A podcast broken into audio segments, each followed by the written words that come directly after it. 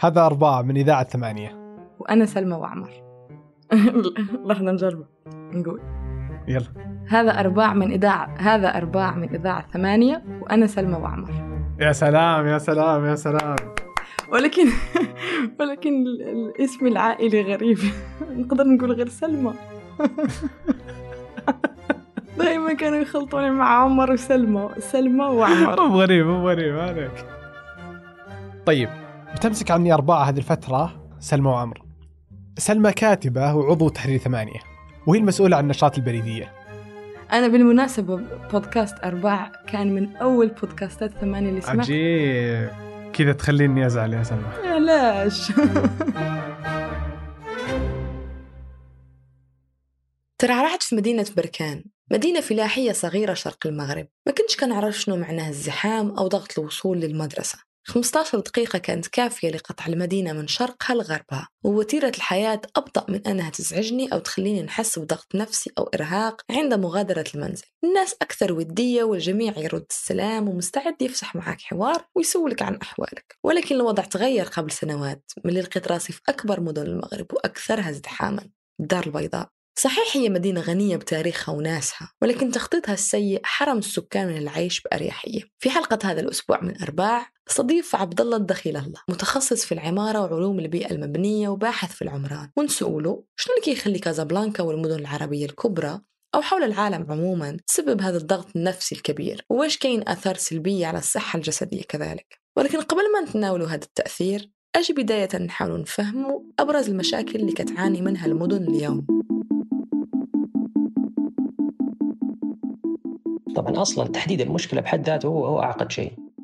يعني أنا أنا من وجهة نظري وش ما قلت بيصير مقتصر على فكري وخلفيتي واهتماماتي وهذا بحد ذاته ظالم. آه، المدينة نفسها. يعني المفروض المدينة هي تعكس احتياجها آه، لازم فعشان كذا عشان لازم يدخلون السكان أساسا في يسوون ريفليكشن وانعكاس لآرائهم. بحيث نوصل للمشكلة الحقيقية عشان نعرف نحلها.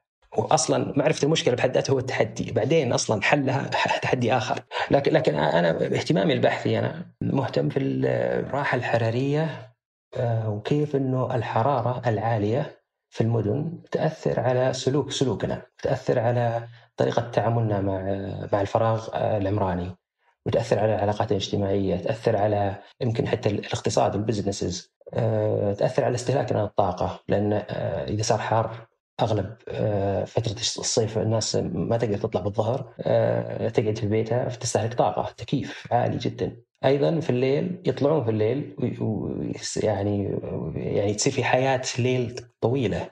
وهذا أيضا استهلاك طاقة بينما المفروض إنه بالليل يقل الاستهلاك. فعندنا استهلاكين. عندنا two peaks يعني عندنا استهلاك عالي في فترة النهار وعندنا استهلاك عالي في فترة الليل. فهو آه، الحرارة العالية في المدن تسبب استهلاك عالي جدا. فانا مهتم كيف ان نقدر نخلي نخلي المدينة مريحة فترة النهار بحيث إنه يصير عندنا peak واحد على الأقل. جميل.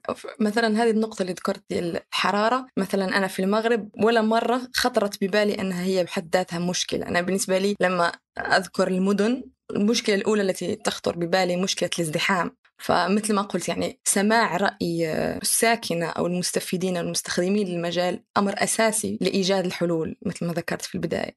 نتحدث عن الازدحام ونعود لنقطتك. أنا في نظري وأنت صحح لي أظن أن الكثافة السكانية في المدن واللي تسبب الازدحام هي في الأصل منبع كل المشاكل الأخرى. بدرجة أولى. آه، ازدحام المروري الكثافة السكانية في المجمعات آه، وقلة المساحات الخضراء. شنو رأيك في المسألة؟ يعني مثلا إذا بغينا نقول شنو من الأسباب الضرورية أو الأساسية اللي كتسبب هذا الازدحام ومنها تفرعوا للمشاكل الأخرى. والله هذه آه، مشكلة عاد معقدة جدا وتحتاج ناس متخصصين أصلا في الترانسبورتيشن أو النقل. لكن ان نحدد مشكلة بشكل عام على كل المدن هذا شيء صعب، لكن بشكل عام آه الازدحام أكيد هو مشكلة، الازدحام المروري باستخدام السيارات، هذا مشكلة أزلية للمدن الكبيرة الممتدة تمدد أفقي، يعني زي الرياض مثلا، زي آه، المدن الأمريكية آه، مثلا زي لوس أنجلوس. التمدد الأفقي وطريقة تخطيط المدينة مو بس تخطيطها فقط وتمدد افقي أيضا نوعية استخدام الأراضي إنها فردية يعني منطقة سكنية مختلفة عن منطقة تجارية مختلفة عن منطقة حكومية ومنطقة تعليمية. هذا التقسيم وطريقة تكوين المستوطنات بهذا الشكل يدع يجبرك كفرد تستخدم السيارة. ما في أي طريقة أخرى أنك تروح من منطقة إلى منطقة إلا بالسيارة. وأيضا الطريق الشارع واصل بيتك ولك موقف قدام بيتك. فهذه هذه ال lifestyle هذه آه، هي اللي تسبب الازدحام. لأنه منطقي إذا كل واحد عنده سيارة وبيروح يجيب غرض ولا بيروح الدوام أكيد بنواجه هذا المشكلة هذه. لكن كثافة الازدحام هذا هي هي محتاجة قياس محتاجة يعني تحليل دقيق يعني. مو مو كل الطرق مزدحمة. مو بكل أوقات مزدحمة. فتختلف من مدينة لمدينة تختلف من يعني من case ل case عشان كذا معقدة محتاجة models محتاجة تحليل جيد محتاجة مدخلات data آه، ومدخلات جيدة بحيث نعرف نحلل المشكلة. لكن بشكل عام استخدام السيارة كوسيلة أساسية ووحيدة في المدينة هذه يعني مشكلة وخطر كبير وتسبب أكيد الازدحام. لازم يكون في أكثر من وسيلة يعني. يعني أنت في نظرك أن المشكلة مشتركة ما بين المستخدم نفسه يعني سلوكيات الأفراد والتخطيط لمدن اللي يعود لسنوات يعني مثلا مدينة أسست في الخمسينيات أو الأربعينيات أو حتى قبل ذلك وبعد ذلك الاستشراف المستقبلي ربما يكون قصر نظر في الرؤية للمستقبل وكيف ممكن أننا نخطط الأحياء والمجمعات والتصميم بينها ليجمع بين الفاعلية والتخفيف من الازدحام. وهنالك أسباب مرتبطة بسلوكيات الأفراد مثل ما ذكرت لمثلا اختيار استخدام السيارة فرديا بدل استخدام مثلا وسائل النقل العام صح؟ بس هنا شو هنا هنا المشكلة. أنا أحس في في في في ما نقدر نحمل المستخدمين نفسهم المشكلة لكن لأنهم هم انحدوا على هذا الشيء. يعني أنا إذا أنت ما أعطيتني أي خيار آخر أكيد بستخدم سيارة. وأنا أشوف هذا من غير العدل. يعني بعض الناس يشوفون أنه من من الرخاء من اللكجري يعني أنه يكون كل الناس يقدرون يستخدمون سيارة. والعكس أشوف أنه إذا إذا أنت أجبرت كل الناس يستخدمون السياره أنت يمكن ظلمتهم. ظلمتهم في, في الأشياء السلبية اللي تسببها السيارة من الازدحام وغيره والتلوث ويعني مشاكل تسببها أصلا السيارة. وأيضا ظلمتهم من ناحية إنك ما أعطيتهم خيار آخر. يمكن أنا ما أفضل السيارة. يمكن أنا ما أقدر أسوق. يمكن أنا ما أفضل أساسا أنا أبغى أروح أبغى التجربة حقتي لطريق العمل ولا طريق يعني قضاء الحاجات. ما ما أبغاها تكون بالسيارة. أبغاها تكون بالمشي بالدراجة يعني ما في أي خيار آخر. ليش؟ هذا يعني بحد ذاته ظلم. طيب طيب في نظرك في نظرك نتحدث عن ذكرنا المبني للمجهول هذا الذي ظلمنا باننا نستخدم مثلا السيارة فقط أو عموما تخطيط المدن. لكن يعني من يصنع المدينة مهندس معماري شخصيات في البلديات سياسيين ومصممين وحتى علماء اجتماع. شكون هم العناصر بالضبط اللي كتصنع لنا المدينة؟ وعلى من نلقي اللوم أو نعاتب أو نطالب بالإصلاح؟ والله السؤال هذا جدا صعب. السؤال هذا جدا صعب لأن تختلف الممارسات. يعني الممارسة الأمريكية تختلف عن الممارسة الأوروبية تختلف عننا في الشرق الأوسط تختلف من دولة لدولة أساسا. يعني فيعتمد. لكن بشكل عام كل مدينة لها إدارة سواء اللي يدير المدينة هذا متخصص في علوم العمران سواء معماري سواء مخطط سواء مهندس. بناخذ مدينة الرياض. يعني أنا ما أعرف كل المتخصصين وش تخصصاتهم لكن بالمجمل عندنا هيئة متخصصة هي اللي تتخذ القرارات المتعلقة بالمدينة. لكن في ممارسات مختلفة. يعني في مدارس التعامل مع تخطيط المدن أو آه، صناعة المستوطنات بطرق مختلفة. في تخطيط على مستوى وطني بحيث أنه الحكومة نفسها على مستوى الدولة نفسها تعمل خطة بعدين تنزل على المناطق. المناطق تضيف تفاصيل هذه الخطة بما يناسبها لأن الدولة تناظر المدينة الدو... مستوى الدولة الخطة على مستوى الدولة تناظر المناطق بشكل متساوي وبحيث ما تصير في ضغط على جهة وتقصر بحق جهة أخرى أو في جهة تضر جهة. مثلا فرص وظيفية استثمارات وهكذا. في يصير في توازن فما تصير المناطق تتنافس تضر بعضها فلازم في خطة على المستوى الوطني بعدين تنزل على مستوى المناطق والأقاليم. بعدين الأقاليم تعطي تفاصيل أكثر خططها الداخلية داخل مدنها وهكذا. فيصير في تخطيط مركزي. هذه ممارسة جيدة في أوروبا لكن في أمريكا عكس. أمريكا ما فيها تخطيط بهذا الشكل. فيها كل مدينة دولة لحالها أو كل مقاطعة دولة لحالها. وهذا مشكلة. هنا عاد ما في ما في تنسيق بينهم. ففي مدينة تسرق وظائف من مدينة جنبها. يعني مجرد إنهم يسوون مشروع جديد كبير في ناس ينتقلون من من مقاطعة لمقاطعة وبدون تنسيق. فهذا خلل طبعا يسبب مشاكل. لكن هذا يعني إذا صار في خلل بهذا المستوى أكيد بيصير مؤثر. فعشان كذا آه، مراحل أو الخطط هذه لازم تدرس بشكل جدا جيد. ومن متخصصين آه، يعتبرون الأفضل. والحمد لله اللي عندنا ساير في الرياض أو في المملكة يعني ما شاء الله best practice يعني. تخطيط الرياض سابقا آه، دوكسيادس و firms كثيرة جت تطورت على أفكاره. يعني كلهم أفضل ناس. لكن المدينة دائما صعب تتوقع مستواها بعد بعد زمن معين. فتفاجئك يعني اللي صار عندنا في مدينة الرياض مثلا انفجار سكاني يعني زاد عدد السكان بشكل كبير فترة قصيرة. فحتى دوكسيادس ومخططه الأساسي آه، اللي مقترحه ما كان مناسب ما أصبح مناسب. يعني هو كان مناسب بالمعطيات اللي كانت عنده ولكن المعطيات هذه تغيرت المدينة نمت بشكل أسرع مما يتصور. فنجي عاد على الوقت هذاك ما كان في معايير وطرق لقياس النمو بشكل فعال وديناميكي وسريع بحيث يتم تفادي آه، المشاكل هذه. تم التعامل مع آه، زيادة زيادة التعداد السكاني بطريقة ربما تكون جيدة ربما ما تكون جيدة، لكن اليوم في ممارسات جيدة جدا لتقييم الوضع الراهن والمونيتورينج بشكل مستمر بحيث يصير في مراقبة دقيقة للتغيرات اللي تطرأ على المدينة ويصير في يمكن خطوات استباقية أساسا. فالعلم هذا أصلا جديد ومتغير ولو تناظرين تاريخه أصلا مو مستقر قاعد يتغير ويتطور وعلوم كثيرة تدخل وعلوم كثيرة تطلع منه لأنه critical آه، ويعني هذا شيء مستحدث. ال urbanization أو المدن الكبيرة هذه شيء جديد على الإنسان يعني آه، مو مو شيء قديم يعني. فنتوقع مشاكل ونتوقع تطور مستمر. وحنا نسوي افضل يعني إحنا اللي علينا ان نسوي أفضل شيء نقدر نسويه بالعلم اللي نملكه. يعني يعني إذا بنت تقول أنه مثلا قبل 30 سنة سابقة هذه كان من الصعب على المختصين أو ال ال الأشخاص في مناصب القرار توقع أو ارتسام كيفاش المدن ستكبر بشكل مهول. لكن الآن في 2021 صار عندنا مقاييس معينة ممكن إلى شح... إلى حد ما أو إلى حد كبير أننا نحددوا بها من هنا للعشر سنوات مثلا شكل المدينة كيفاش غادي يكون أو تعداد السكان وكذلك ما ستحتاجه هذه المدينة صح؟ يعني صرنا صار العلم أكثر وضوحا نسبيا في تحديد المتغيرات هذه إي نعم ولكن للأسف للأسف إحنا دائما للأسف نعتبر متأخرين قليلا متأخرين عقد ولا عقدين في في استقطاب استقطاب هذه ال best practices أو ال tools بسبب بطء عجلة آه، يعني أو ال cycle حقت آه، التعلم. لأن إحنا نبتعث ناس يروحون يأخذون وقت يتعلمون بعدين يرجعون. على بال ما يمسكون مناصب يديرون. أصلا العلم تطور.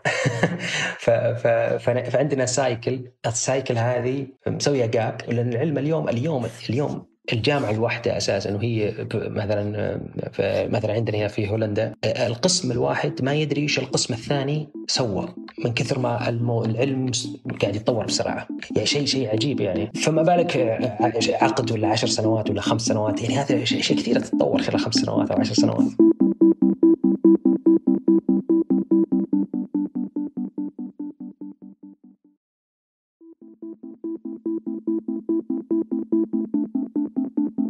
لما قاعد نقلبوا في الدراسات الأخيرة. سكان المدن عارفين تمام المعرفة أن التأثير المدينة سلبي على الصحة النفسية وحتى على الصحة الجسدية من حيث مثلا التريض والمساحات الخضراء للمشي وهذه. شنو بعض التأثيرات السلبية لمشاكل تخطيط سيء على الصحة النفسية؟ والله أنا أنا صراحة الموضوع هذا جدا آه، مشوق اللي هو تأثير الازدحام على الصحة النفسية أو العقلية. آه، لأنه دائما إحنا نتكلم عن تأثير الازدحام على البيئة، تأثير الازدحام على الفانكشن الوظيفة، تأخرنا دائما نسمعها تقضي ساعتين أو ساعة ونص من من آه، يومك في السيارة، يعني نناظرها دائما بشكل رأسمالي، كيف يأثر علينا من ناحية مادية إنك أنت خسرت وقت وأشياء زي كذا، لكن الحقيقة في تأثيرات سلبية مدمرة للصحة ما ما ما, ما تؤخذ بالاعتبار أو ما تعطى اهتمام. وهي صراحة آه، كثيره جدا.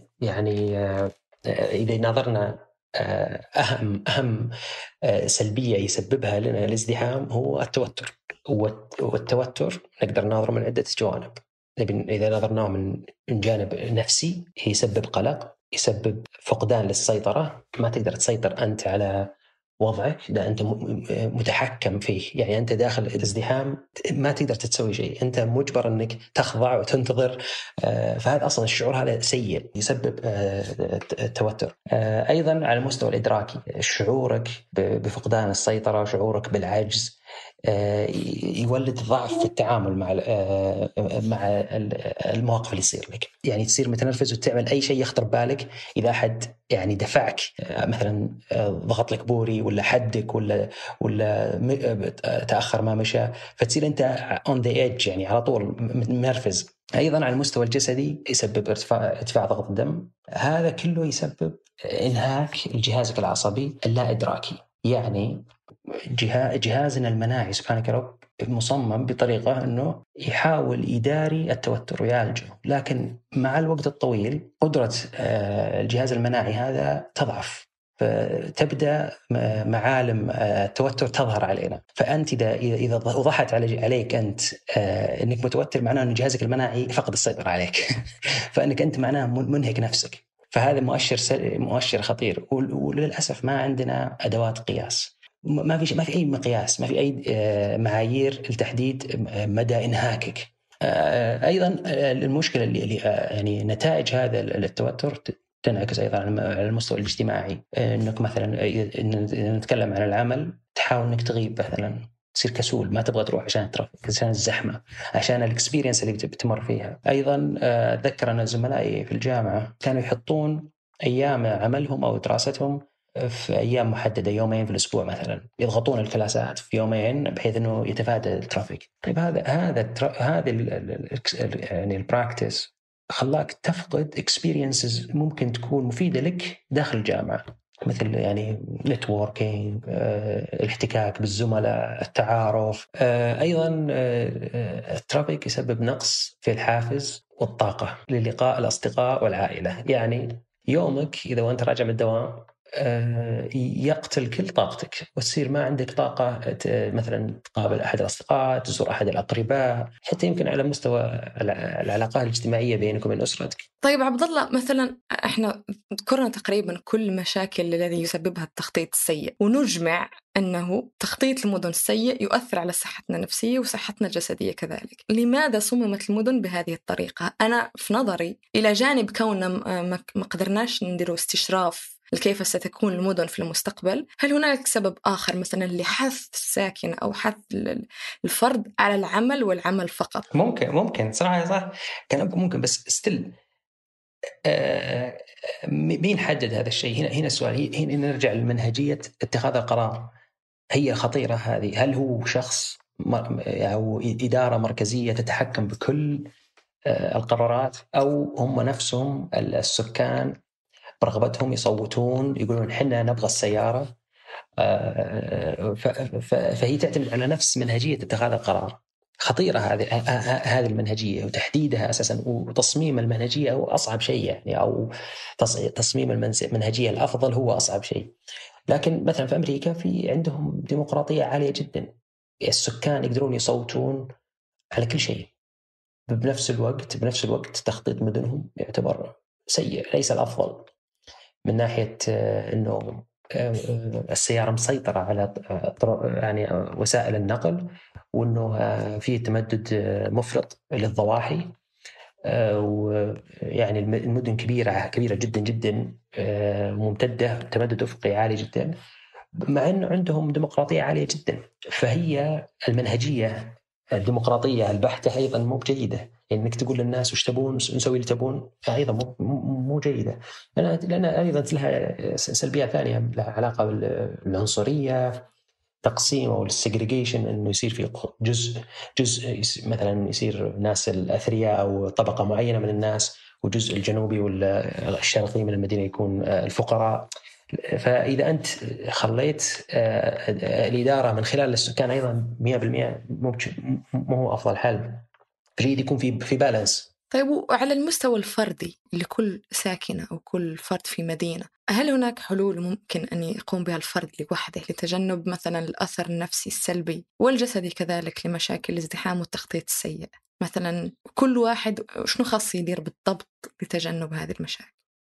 والله فعلا الآن أي حل راح ياخذ وقت. فإحنا مضطرين إن نعرف نتعامل مع الازدحام. بس آه، من خلال ما قرأت آه، من أفضل طرق التعامل مع الازدحام آه، هي مشاركة السيارة مع أحد. بحيث يعني كار بولينج بحيث إنه إنه يعني الازدحام إنك تركز مع رفيق دربك هذا ويزيل عنك التركيز على على عوامل الازدحام ويقل التوتر عندك. ف... وهي استراتيجية ترى موجودة في أمريكا كثير أشوفها حتى في المغرب موجودة كثيرا لكن عجيب. ماشي في المدينة نفسها بين الانتقال بين المدن عندنا كوفا شوغاج أو كاربولين يعني في حال الانتقال من مدينة لمدينة حتى موجود تطبيقات خاصة لمسألة أنا مسافر لهذه المدينة تعال و... جركب معايا ونوصلك ونرجعه نفس الشيء ففعلا فهي طريقة جيدة إنه تقلل أصلا عدد السيارات ولكن نفس الوقت هي تقلل التوتر إنك أنت تصير مع يعني شخص تسولف ويروح الوقت وتصير اهتمامك مو مو على متى توصل وتصير مهتم بالسواليف.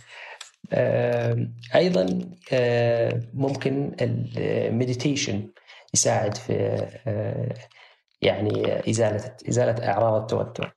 طبعا هنا عندنا في ديننا الصلاة ممكن مم هي أساسا آه، أفضل وسيلة للمديتيشن.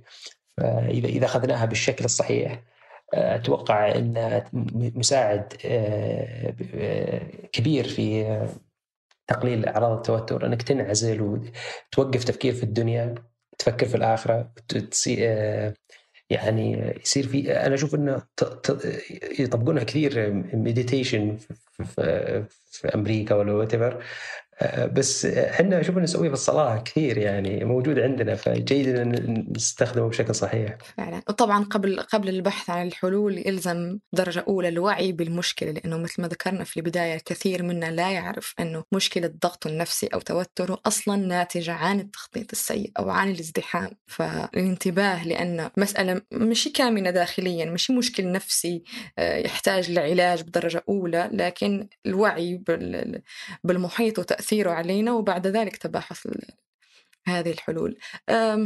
ماذا عن ماذا عن دور المساحات الخضراء في في إن هي كذلك ربما حل ترقيعي وفي نفس الوقت حل مناسب يعني لحظي نوعا ما من حيث العلاقات الاجتماعية. حتى مثلا في أوروبا موجود الأوربن جاردن أو